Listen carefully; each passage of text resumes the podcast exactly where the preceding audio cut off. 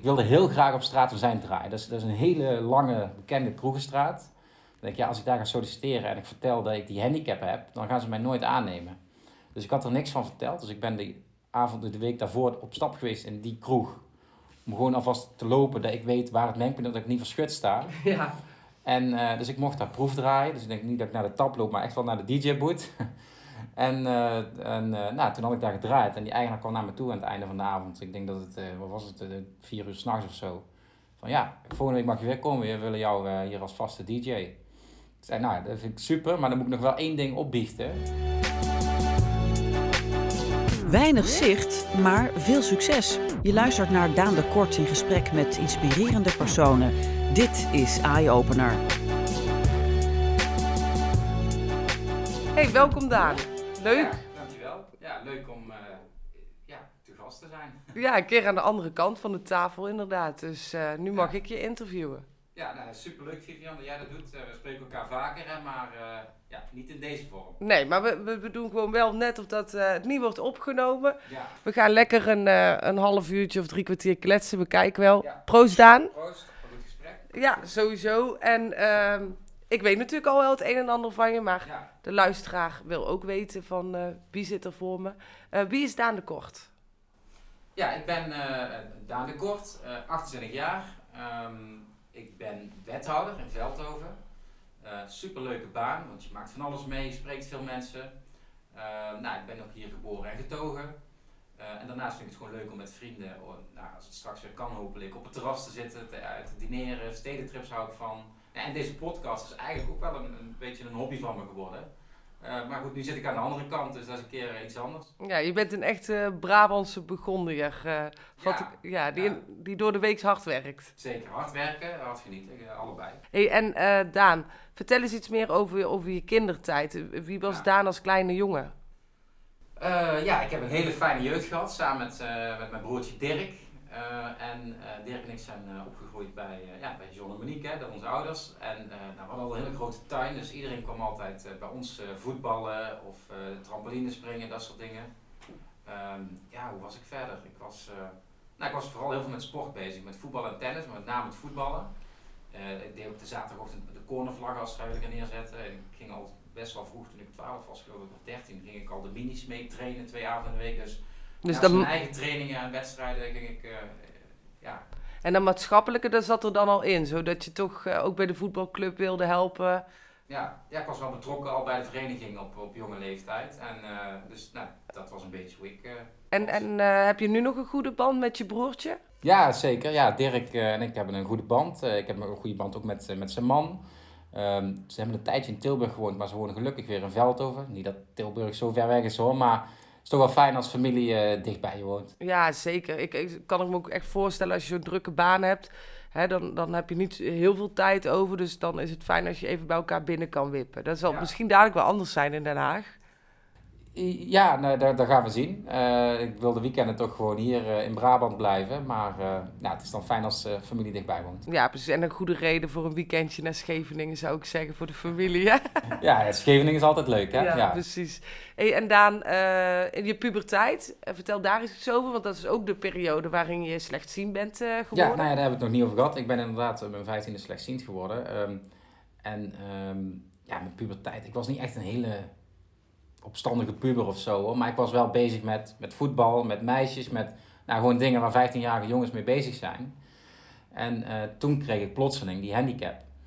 En uh, dan sta je er in één keer bij stil dat gezondheid helemaal niet vanzelfsprekend is. Uh, en dat is wel mijn leven veranderd. Dat is wel een kantelpunt in mijn leven geweest.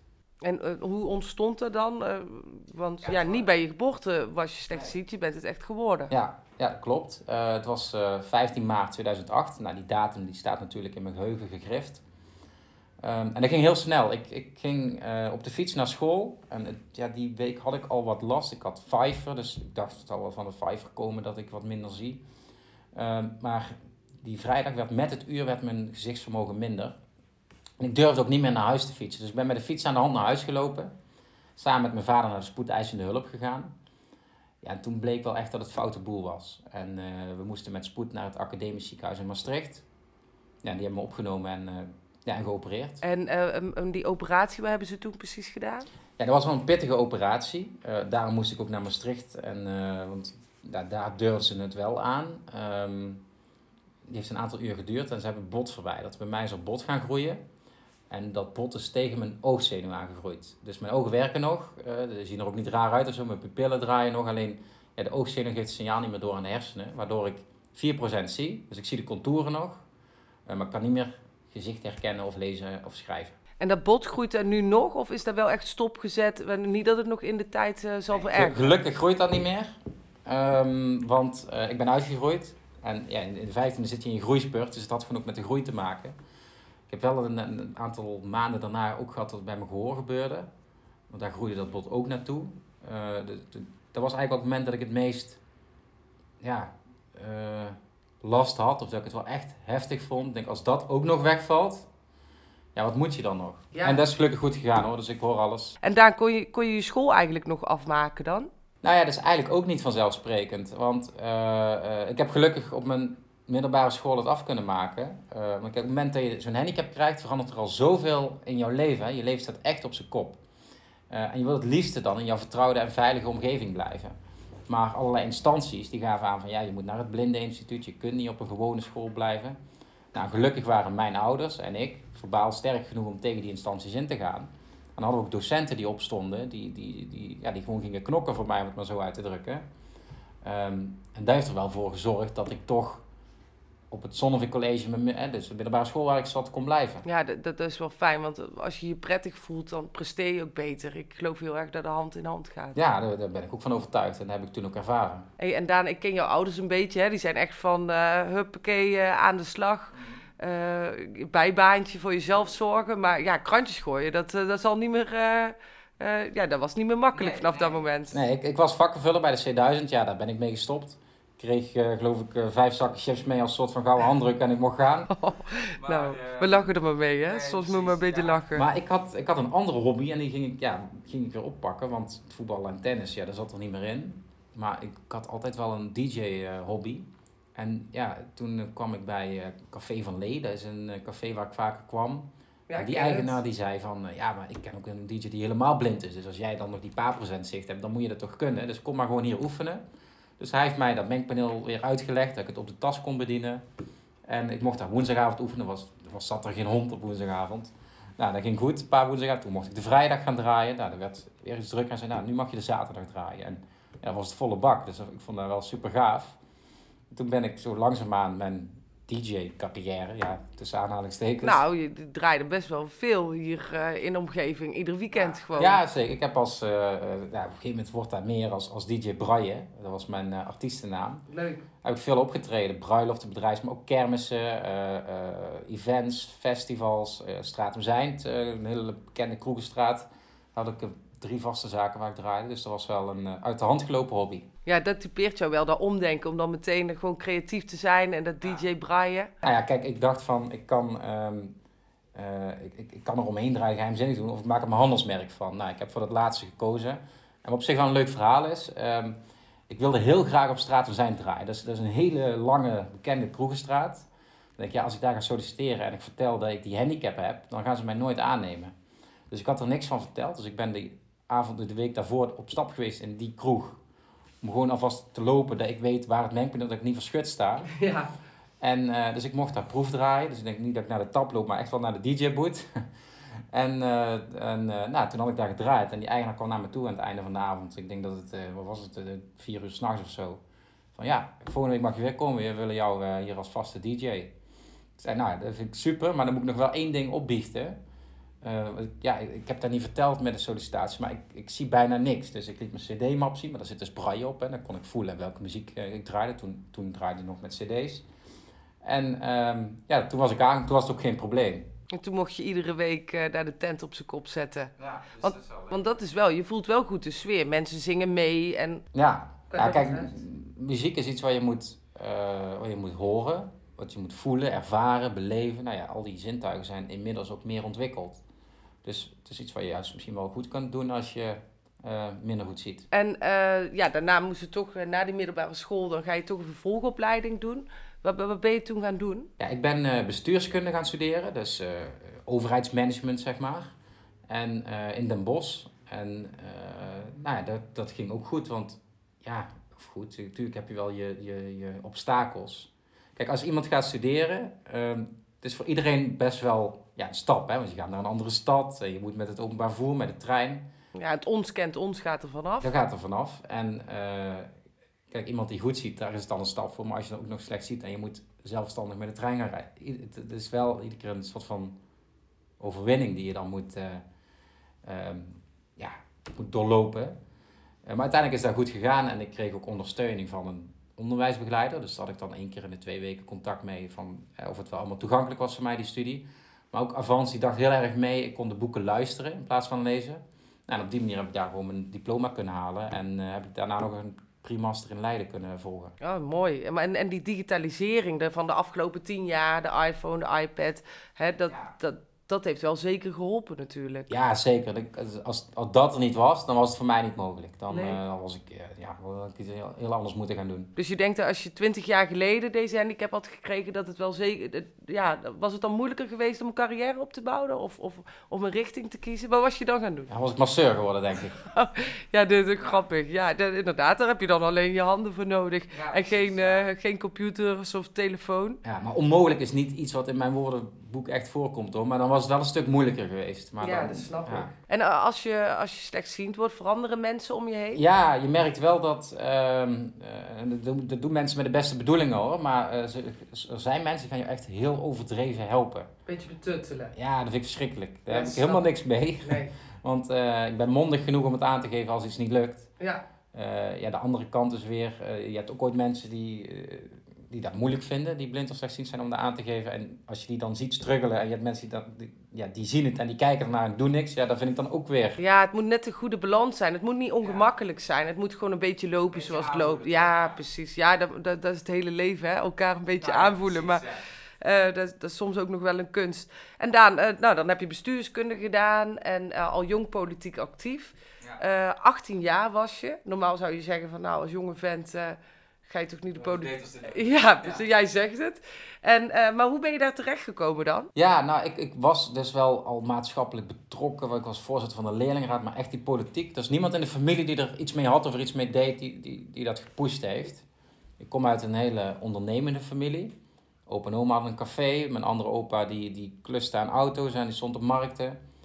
Uh, ouders in de makelaardij. Dus ja, op verjaardagsfeestjes hoor je allemaal van, nou, die lui in Den Haag, die kletsen maar wat. En uh, je moet het uiteindelijk toch zelf doen in het leven.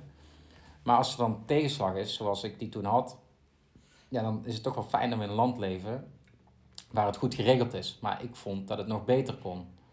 Hè, mensen uh, moeten uh, zelf kunnen beslissen, en wat ik dus toen met het Blindeninstituut merkte, hoe jij het wilt inrichten.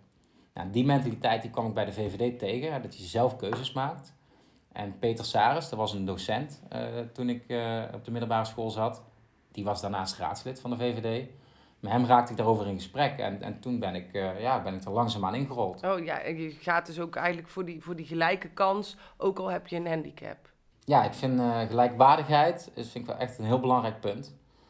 of je nu een migratieachtergrond hebt, of man-vrouw, anders geaard, dat maakt me niet uit uiteindelijk moet je het toch zelf doen. En die gelijkwaardigheid, die heb ik heel hoog in het vaandel staan. Je was dus al jong actief in de politiek. Dus ook al jonge lijsttrekker van de VVD. En dat heeft uh, geresulteerd tot uh, dat je voor het eerst de grootste partij van Veldhoven wist te worden. Ja, dat was wel echt een super gave campagne. En dat doe ik natuurlijk niet alleen. Met een heel team hebben we daar hard aan gewerkt. Veel georganiseerd. Social media activiteiten, campagneacties. En natuurlijk een clubhuis waar we mensen uitnodigen om een kop koffie met de kandidaten te drinken. Maakten de mensen daar ook veel gebruik van? Ja, er werd, werd best wel, ja, weet je, politiek uh, leeft helemaal niet zo, denk je dan. Maar er zijn toch mensen die even, even binnenlopen, een praatje maken. Uh, dus dat was wel leuk. En dan, ja, zeker die uitslagenavond. Dat was gewoon fantastisch. Dat was gewoon één groot feest. We hebben daar met z'n allen heel hard naartoe gewerkt en naartoe geleefd. En uh, ja, daar heb ik hele warme herinneringen aan. En da daarna werd je voorgedragen als, als wethouder door de partij. De jongste ja. wethouder eigenlijk uh, van Nederland bijna. Ja, van de VVD was ik de jongste wethouder van Nederland. Er was één wethouder jonger. Um, ja, dat was wel bijzonder, want um, Ad van der Oever die was al wethouder, maar ik mocht dan de tweede VVD-wethouder worden. Ja, en dat was wel ja, heel eervol om op 25-jarige leeftijd ja, wethouder te zijn. Wat toch een verantwoordelijke baan is. En ik denk dat je eigenlijk wel uh, een hele mooie portefeuille hebt met economische zaken, onderwijs, sport, dienstverlening. Ja, ja, ik heb de mooiste portefeuille, vind ik zelf. Heel gevarieerd. Ik wilde per se economische zaken, omdat ik uit die ondernemende familie kom. Um, en, en die bedrijvigheid, ja, die, die, die zorgt voor werkgelegenheid, die is heel belangrijk. Zeker hier in Brainpool. Ja, in deze regio is heel veel dynamiek en uh, ASML en dat soort bedrijven, maar ook andere uh, midden- en kleinbedrijven. Sport wilde ik ook heel graag, omdat aan de zijlijn van het veld hoor je wat er echt leeft in de samenleving. En nou, dat vind ik leuk, die gesprekken te voeren, te horen wat er leeft en dat dan ook weer mee te nemen naar het gemeentehuis. Absoluut. En met onderwijs ben je bezig met de volgende generatie, met de toekomst, wat natuurlijk ook heel relevant is. Um, nou ja, dat is waarom ik die portefeuille wilde. En Daan, wat is nou je grootste beperking van je beperking? Waar loop je tegenaan? Um, nou, eigenlijk zijn er niet zo heel veel dingen die ik mis. Maar er zijn twee dingen waarvan ik gewoon ja, baal dat ik dat, dat, dat niet meer kan. Of dat ik dat nooit echt heb gekund. Eén um, is autorijden. Ik heb altijd heel veel gehad met auto's. Uh, samen met mijn vader ging ik naar de autorij en, en andere autobeurzen. Het is ook een stukje vrijheid en onafhankelijkheid. Hè? Gewoon gaan en staan wanneer jij dat wilt. Ja, dat snap ik. Ja, dan, dan mis je. Het is wel een voordeel dat je nooit de bob hoeft te zijn. Dat is waar. Ik kan altijd een bobbel pakken, ja. ja. ja. We, we, pakken er nog één. Ja, zo is het. Um, en wat ik jammer vind, is dat ik niet met, met vrienden op het terras kan zitten. Althans, dat kan wel, maar dan naar vrouwen kan kijken die, die voorbij lopen. Uh, dat zijn eigenlijk twee dingen waarvan ik denk van, nou, dat is jammer dat dat niet kan. Maar verder laat ik me niet beperken door mijn beperking. Nou, dat is goed. Nou, tegenwoordig mag je toch niet meer echt meer fluiten en zo uh, naar vrouwen, nee, hè? Dat is, dat is niet meer zo wenselijk. Misschien maar beter ook dan, dat ik niet zo goed zie. ja, precies. Wel. Ja. Maar wat wel een grappig verhaal is, want ik, ik gaf net dus de autorijden aan. Um, afgelopen zomer zat ik met een vriendin uh, op het uh, terras. En um, ze had mij diezelfde vraag gesteld van wat mis je nu echt? Nou, en uh, dus ik had ook verteld van nou, uh, autorijden en dan op het terras met vrienden. Um, en een week later haalt ze mij op met de auto. En nou, een heel stuk rijden. En begin trap ze keihard op de rem. Van ja, nu uitstappen Daan. Dus ik denk, ja, heb ik iets verkeerd gedaan? Ja, uitstappen. Dus ik stap uit. Zij stapt uit. Zegt, ja, ga maar zitten. Rijden. Midden op een weiland. Hè. Dus, er is niks gevaarlijks gebeurd. Vet. En uh, van, ja, ik had echt, dus ik had voor het eerst in mijn leven echt zelf auto gereden. Dus ik had een glimlach van oor tot oor. Dat klinkt romantisch. Glimlach zal ook wel door de dame naast je zijn gekomen. Ja, een leuke dame, zeker. Maar ik, ik vond het wel heel bijzonder, ja, om... om uh, ja, om er dan een keer om, om te de auto, auto, te rijden. Gelukkig heb je tegenwoordig openbaar vervoer. En je mag denk ik uh, ook wel in je functie van een taxi af en toe gebruik maken. Ja, zeker. Ik probeer dat beperkt te houden hoor. Maar um, soms heb je zoveel afspraken op een dag, uh, dan, uh, nou ja, dan wordt er een taxi gereden. Ik heb wel meteen gezegd, dan moet het een veldovers taxibedrijf zijn, omdat ik wethouder economische zaken ben. Dat in ieder geval de, ja, hè, de ondernemers hier, waar ik actief ben, er ook nog iets aan hebben. Wat ik me wel afvroeg, je zei net, dan zit ik op het terras. En dan, dan lopen er natuurlijk allerlei mensen voorbij. En uh, soms komt iemand naar je toe, wil een praatje maken. Herken je snel een stem van iemand? ja, eigenlijk wel. Ja, ik denk 9 van de 10 keer dat ik mensen wel herken op stem. Ook al heb ik ze een jaar of twee jaar niet gesproken.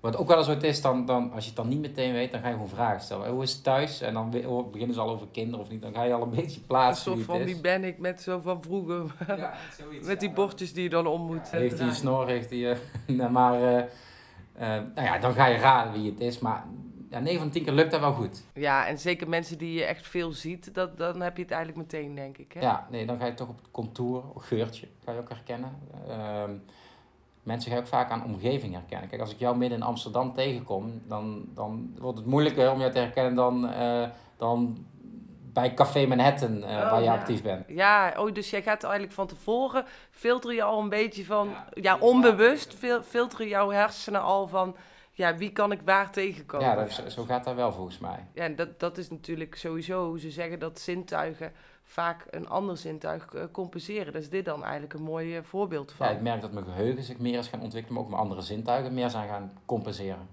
Uh, vroeger was een van je hobby's was voetballen. nu zeg je van nou, bijvoorbeeld een podcast is mijn hobby. Hoe, ja, wat trek je daar dan zo aan? Nou, ik hou wel van goede gesprekken, waar je ook gewoon iets meer de tijd voor elkaar neemt. Dat is ook wel grappig. Ik heb mensen geïnterviewd in die podcast die je, die je die je gewoon kent. Maar op het moment dat je ze gaat interviewen, leer je ze eigenlijk beter kennen terwijl je al, ik weet niet, ja, misschien ja, jij dat ook wel ja, eigenlijk. Ja, en um, nou ja, ik heb nog wel meer hobby. Ik, bedoel, ik wandel graag. Ja, ik, heel suf trouwens om te zeggen. Nou, tegenwoordig in corona is het helemaal in om te wandelen hoor. Je bent niet meer de enige. Nee, nou maar ik, en verder, ik ben wel ook echt een horeca mens. Ik, ik vind het leuk om onder de mensen of nieuwe mensen te ontmoeten. Uh, dus ik probeer dan tussen afspraken door een koffietje te pakken. En als ik dan s'avonds geen afspraak meer heb, een wijntje of een biertje. Ja, gewoon met mensen in contact ja, blijven. En lekker uit eten gaan, dat, dat zijn wel echt mijn hobby's. Heb je Rutte zelf ooit ontmoet, Daan? Ja, dus, dat is wel leuk. Ja. Kijk, als, als, als je lid bent bij de VVD heb je vaak van die congressen. Hè. Je ziet hem misschien wel ooit op tv. Dus daar spreek je dan Rutte wel eens ooit. Um, maar dan is het een minuutje of een handje. Of de, bedoel, ja, die man is natuurlijk hartstikke druk. Maar het is wel een grappig verhaal. Uh, ik uh, ik uh, ga vaak, of vaak, dat is met mijn vader naar Joep van het Hek. Is dat je favoriete cabaretier? Of, ja, vind ik wel echt superleuk. Dus ik ben by far de beste cabaretier. Dus niet de Eindhovense Theo Maas? Nee, niet de Eindhovense Theo Nee, Joep van het Hek heeft altijd een mooie... die relativeert zo mooi, heeft altijd een goede boodschap. Van maak er iets van in het leven, geniet ervan. En, en daar herken ik me wel in. En mijn vader en ik zijn wel eens naar Carré, naar Joep van het Hek geweest. Nou, en deze keer gingen we naar het theater De Schalm, naar Joep van het Hek. En um, na de voorstelling zat er een vrouw um, alleen aan de bar, dus we raakten in gesprek. En um, zij bleek Mark Rutte goed te kennen. Maar ik dacht van ja, het zal wel. Dan heb je wel iemand die pretendeert uh, Mark Rutte goed te kennen. Het zou wel heel toevallig zijn, ja, dacht jij. benen in Brabant, uh, waar moet zij Mark Rutte van kennen? Maar goed, een dag daarna kreeg ik op LinkedIn een verzoek van haar, dus ik had het uh, geaccepteerd. En uh, ze stuurde me een berichtje van, ja, ik vond jouw uh, motivatie voor uh, waarom jij doet wat je doet zo mooi. Wil je met Mark Rutte daarover sparren en zal ik je in contact brengen? Dus ik denk, ja, tuurlijk wil ik dat, maar het zal wel, dat gaat toch niet gebeuren. Nou, binnen no time kreeg ze een reactie op haar sms. En van, ja, leuk, ik ken Daan, op congressen wel eens gesproken, stuur mijn 06-nummer maar en zeg maar dat hij er discreet mee om moet gaan. Dus ik kreeg een 06-nummer binnen, maar ik dacht nog steeds van, ja, ik zit ik in bananensplit of zo. Hè? Ik kan ook, iedereen kan sturen, goed Mark. Ik denk, ja, ik ga toch een sms sturen. Dus nee, ik gestuurd en uh, nou, binnen vijf minuten antwoord, uh, leuk Daan, ik laat iets inplannen, goed Mark. Gaaf man. ja, nou en ik dacht nog steeds van, ja, zal het wel echt zijn?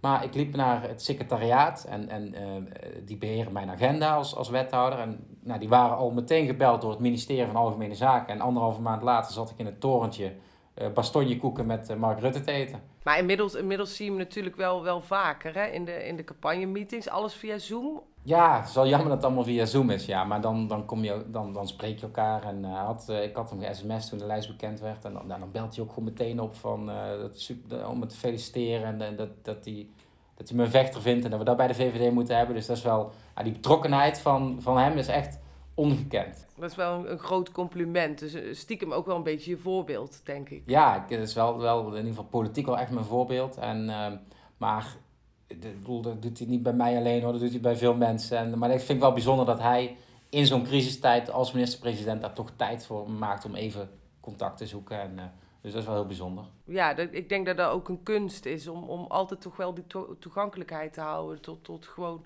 de maatschappij. Ja, dat heeft hij heel erg. Ja, ja en hoe zorg jij dat je dat, uh, ja, dat je dat altijd houdt? Nou ja, door gewoon dicht bij jezelf te blijven. En uh, nou ja, ik, ik, ben ook dus kandidaat voor de Tweede Kamer. Uh, dus de kans is groot, of in ieder geval is groot dat ik daar naartoe ga. Maar ik zal dan ook echt wel de weekenden hier willen blijven. En gewoon met mijn vrienden uh, ja, op zondag in de kroeg een biertje willen blijven drinken. Ja. En gewoon met mensen in gesprek blijven. En, en ja. En Daan, uh, je moet ook veel in het openbaar spreken. Eigenlijk uh, is dat altijd al zo geweest. Vind je, dat, vind je dat nooit spannend? Jawel, ik heb wel een soort van gezonde wedstrijdspanning. Hè? En, en, maar hoe vaker je dat doet, hoe beter dat gaat. Maar... En vertel je dan altijd vooraf van dat je slecht ziet? Nee, niet altijd. Nee, dus soms wordt er dan een aankondiging meegegeven. De, andere, de ene keer wel, de andere keer niet. Um, nee, voor, voor mij hoeft dat niet altijd. Maar ja, kijk hoe vaker je spreekt, hoe makkelijker dat gaat. Maar dan kom je ook weer op andere podia terecht. Ja, laatst landelijke tv voor het eerst. Ja, nou ja, bijvoorbeeld, ja, dan heb je voor het eerst dat je ook, uh, landelijke tv, heb ik wel eens maar dit was ook live tv. Dus ik denk, als je dan een fout maakt, ja, dan, dan, dan komt niet meer van het internet af. Hè. Nou, dan heb ik wel uh, spanning hoor. Ja, dan kan het, niet, kan het niet meer opnieuw. Nou had je wel geluk daar met de gast uh, Erika Terpstra. Ja. Ze was helemaal enthousiast. Ja, ik had meer geluk, geluk met, de, met de gast dan met de chauffeur. Het was nog even een uh, kunst om naar Hilversum te komen. Voor de luisteraars, er lag nogal wat, wat sneeuw. En ik heb lopen duwen en bij poging 5 dacht van, dan probeer het nog één keer. En toen kwamen we eruit, maar toen zat ik helemaal onder de sneeuw en we waren al te laat. Ja. Moest binnen een kwartier live. Ja, en, en naar de rand wilde Erika ook nog een filmpje mee opnemen. Ja, dat was uh, superleuk. Ja, dat was dus bij Tijd voor Max. En uh, nou, daar ging het dus wel over mijn beperking, maar ook vooral wat mij motiveert om politiek actief te zijn. Het was een heel leuk gesprek. En uh, nou, Erika Terpstra was ook nummer 28 toen zij voor de eerste keer bij de VVD op de kieslijst stond. Dus we hadden al meteen een band. Um, ja, dus dat was wel heel leuk om, uh, om mee te maken. Um, wat me wel opvalt, Daan, hè? Um, jij bent uh, super hardwerkend, vol energie. eigenlijk nooit zagrijnig. Ja, niet snel, nee. Krijgen jullie allemaal uh, bij de VVD het soort van Rutte-gen inges ingespoten van uh, hoppakee? Ja, nou ja, weet je, wij zijn allemaal wel optimisten. En um, die ook vinden van, je moet zelf iets van het leven maken. En, en, en je hebt elkaar wel een beetje nodig, maar ja... Um, en, en waar we volgens mij ook wel goed in zijn bij de VVD is relativeren. Kijk, politiek is heel belangrijk, maar er zijn ook heel veel andere belangrijke dingen. En neem je niet al te serieus. En dat is wel een beetje onze mentaliteit. Daan, als je minder goed ziet, andere zintuigen pikken het op. Vaak ben je dan uh, gericht op audio meer. Uh, dan zijn we wel benieuwd, wat is je favoriete muziek? En welke podcast, buiten die van jezelf misschien, uh, nou, luister je graag? Zo egocentrisch ben ik niet hoor, dat ik mijn eigen podcast ga noemen. ik vind heel veel podcasts leuk. Ik vind de zelf-podcast leuk. Daar ben ik door jou op gewezen. Ja, de Zelfspot podcast. Ja, Zelfspodcast, ja. ja. ja. van, uh, van Sander en Jaap. Die vind ik echt wel grappig. Die hebben wel die hebben echt een leuke dynamiek, leuke humor. Um, ja, ik luister ook best wel veel politieke podcasts. Uh, vind, vind ik heel interessant. Um, ehm, 30 minuten rouw van Ruud de Wild vind ik ook goed. Ja, en qua muziek, ik ben heel breed. Want ik heb dus ja, een jaar of tien als DJ Braille opgetreden. En dat was echt van bruiloft tot aan, tot aan festival, uh, house. dus van, ja, ik vind André Hazes heel leuk, daar ben ik gewoon mee opgevoed. Je komt ook graag in Amsterdam, toch? Ja, zeker. Ik heb een vast café in de Jordaan waar ik uh, altijd met heel veel plezier kom. En die eigenaar inmiddels uh, redelijk ken en dat is altijd uh, leuk. Maar ik, ik ben ook naar concerten geweest van Avicii, Armen van Buren. ja, dat vind ik ook heel gaaf. Dus ik, ik ben echt een hele brede muziekstijl. Hey Daan, en als je nou één dag zou zien, 24 uur, wat zou, hoe zou die dag eruit zien? Poeh. nou, ik zou in ieder geval geen auto rijden. En ik denk dat ik dan een uh, voetbalwedstrijd uh, zou bezoeken. Uh, ik heb heel veel met Barcelona, vind ik samen met PSV de mooiste club van de wereld. Naar Barcelona rijden, dan ben je wel al bijna alle tijd kwijt. Ja, ja dat is waar. Dus ik, nou, de, we, we, we vliegen naar Barcelona. En dan pak ik daar de auto, denk ik. En dan zou ik naar Il Clasico willen gaan. Hopelijk nog met Koeman en Messi. Dus Barcelona tegen Real Madrid in Camp Nou. Ja, daar zou ik wel, daar zou ik wel mee willen maken en willen zien klinkt goed. Ik denk dat veel uh, luisteraars met je mee zouden willen. Ja, nou ja, uh, be my guest zou ik zeggen. Daan, jonge gast, gedreven, 28 jaar, plaats 28 op de lijst van de VVD. Ik ga volgende week woensdag op je stemmen. En ik wil je danken voor dit gesprek. Daan de Kort.